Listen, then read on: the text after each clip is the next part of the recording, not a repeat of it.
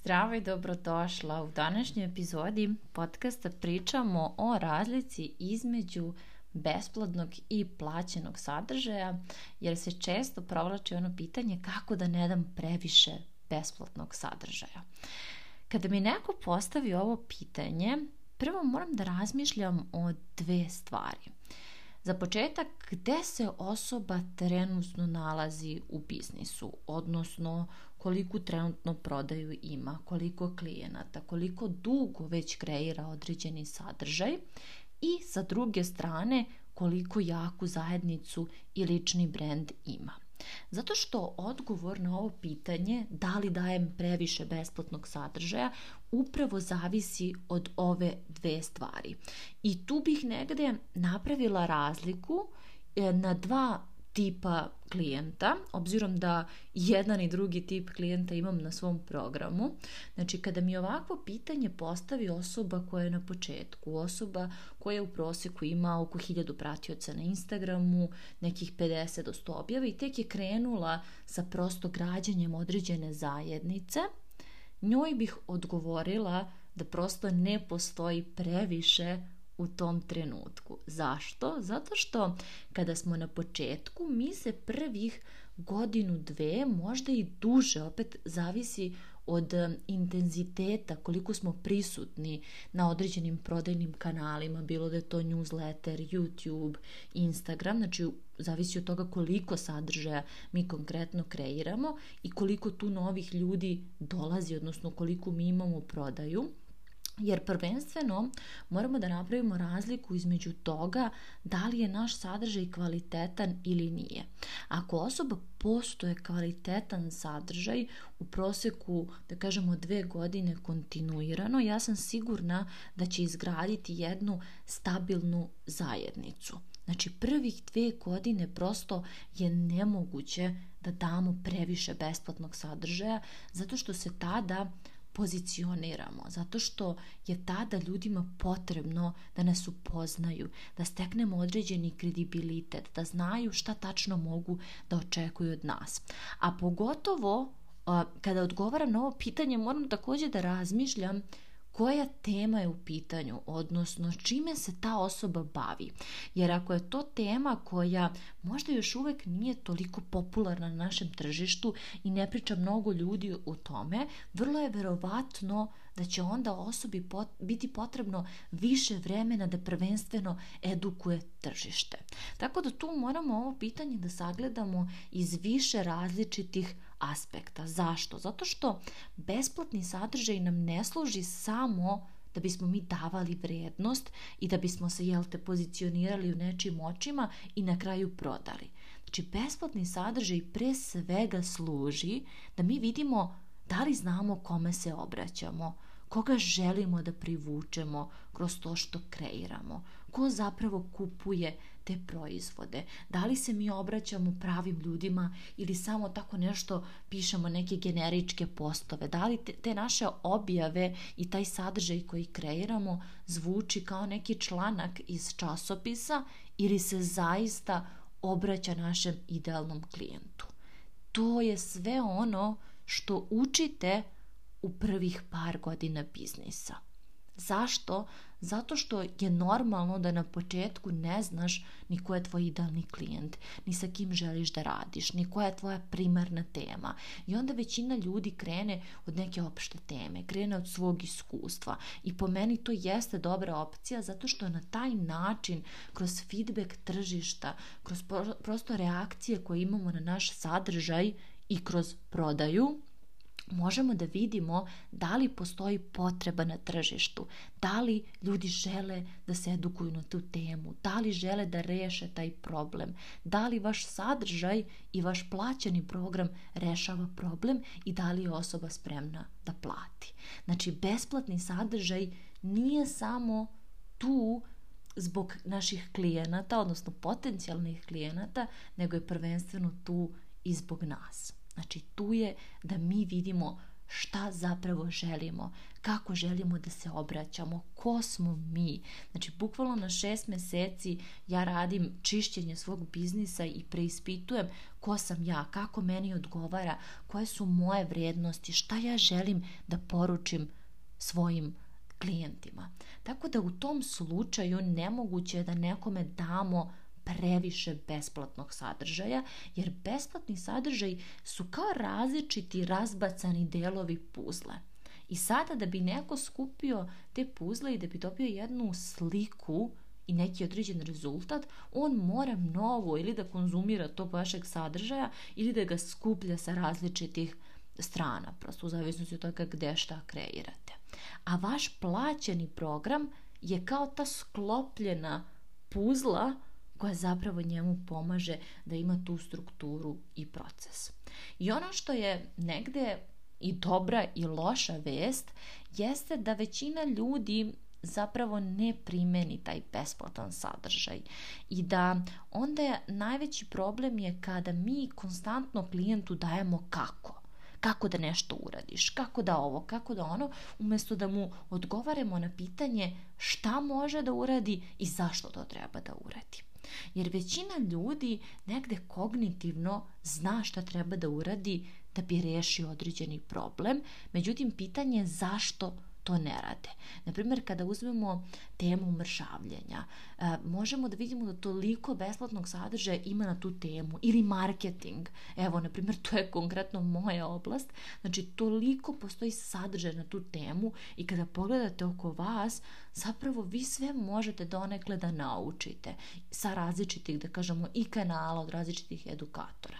Međutim, kada platite konkretno rad sa mnom, odnosno moj trening, program ili bilo šta, vi dobijate negde moje mentorstvo, dobijate moje iskustvo, dobijate personalizovani feedback, dobijate coaching od određene osobe. I to je ta vrednost i to je ono kako mi zapravo delimo besplatan od plaćenog sadržaja. Znači nije poenta da kažemo ostvarivanja klijentovih rezultata u informacijama, nego je zapravo poenta u tome da će on time što vam plati i energetski se obaveže da će to primeniti, da ima mnogo bolji rezultat nego da ste mu to sve dali besplatno. Tako da ja nikada nemam strah u smislu da ću dati previše. Ali ono što se često dešava jeste da ljudi misle da su sve dobili kroz besplatnu vrednost. I onda često čujem za neke ljude kao pa znaš, to sve što ima u tom programu imaš i kroz njen besplatan sadržaj. Da, ali ti tek kad platiš si zapravo spreman i da primeniš. I sve ono što mi kognitivno znamo je zapravo potrebno da primenimo u praksi kako bi to znanje bilo relevantno. Ja to uvijek upoređujem sa profesorima na fakultetu.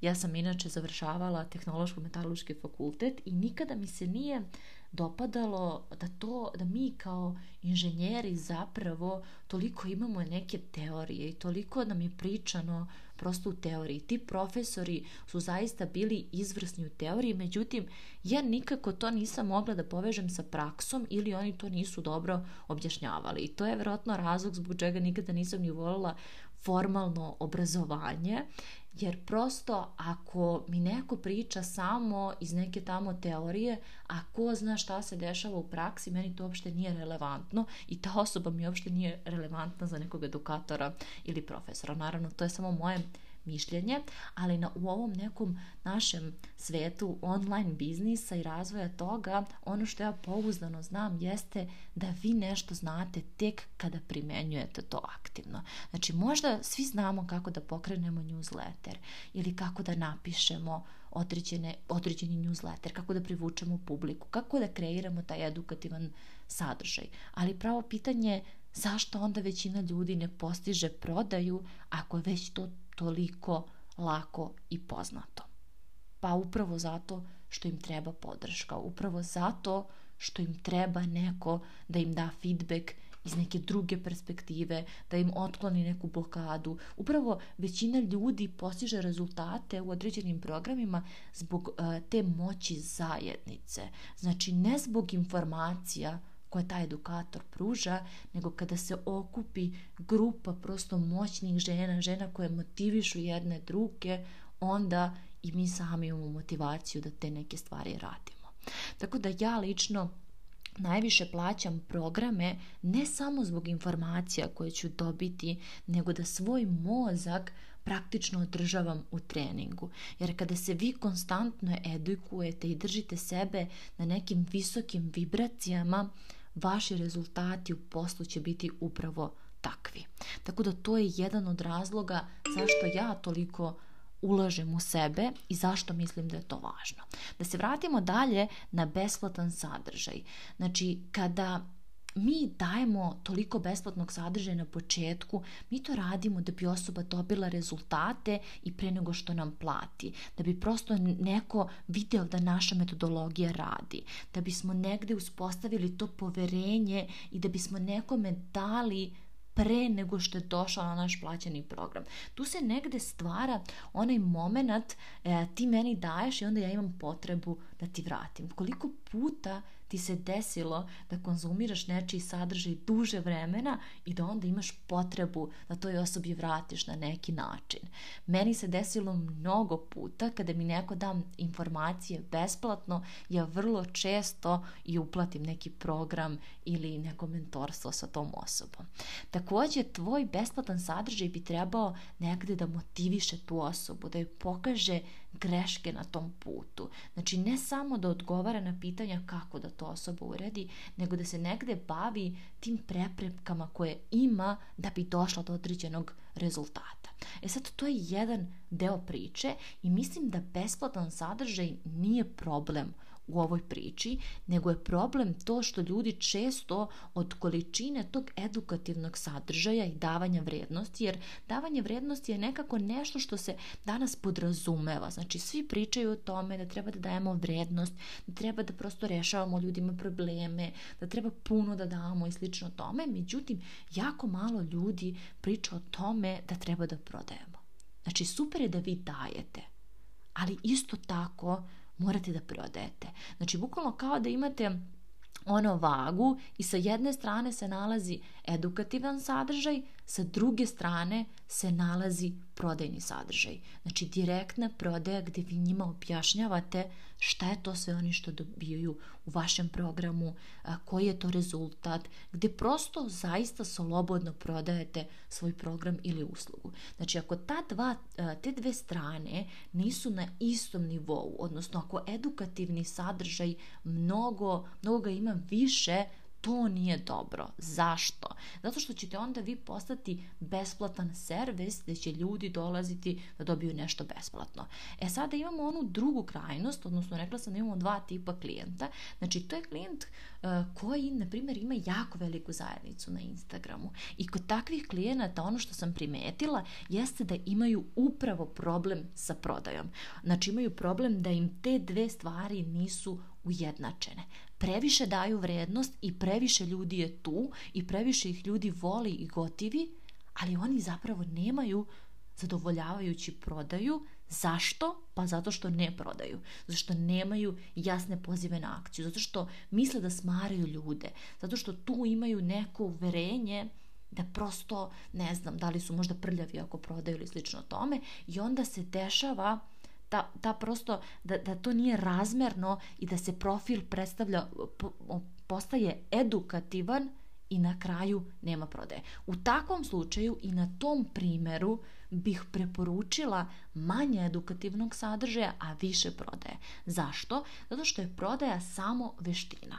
I što više treniramo i što više shvatamo da svaki put kada neko plati tvoj program, on zapravo pomaže sebi, rešava neki veliki životni problem. Bilo da se bavite ishranom, treningom, marketingom kao ja ili jezicima. Znači, vi osobi rešavate neki veliki životni problem i neverovatno mu pomažete onog momenta kada osoba plati.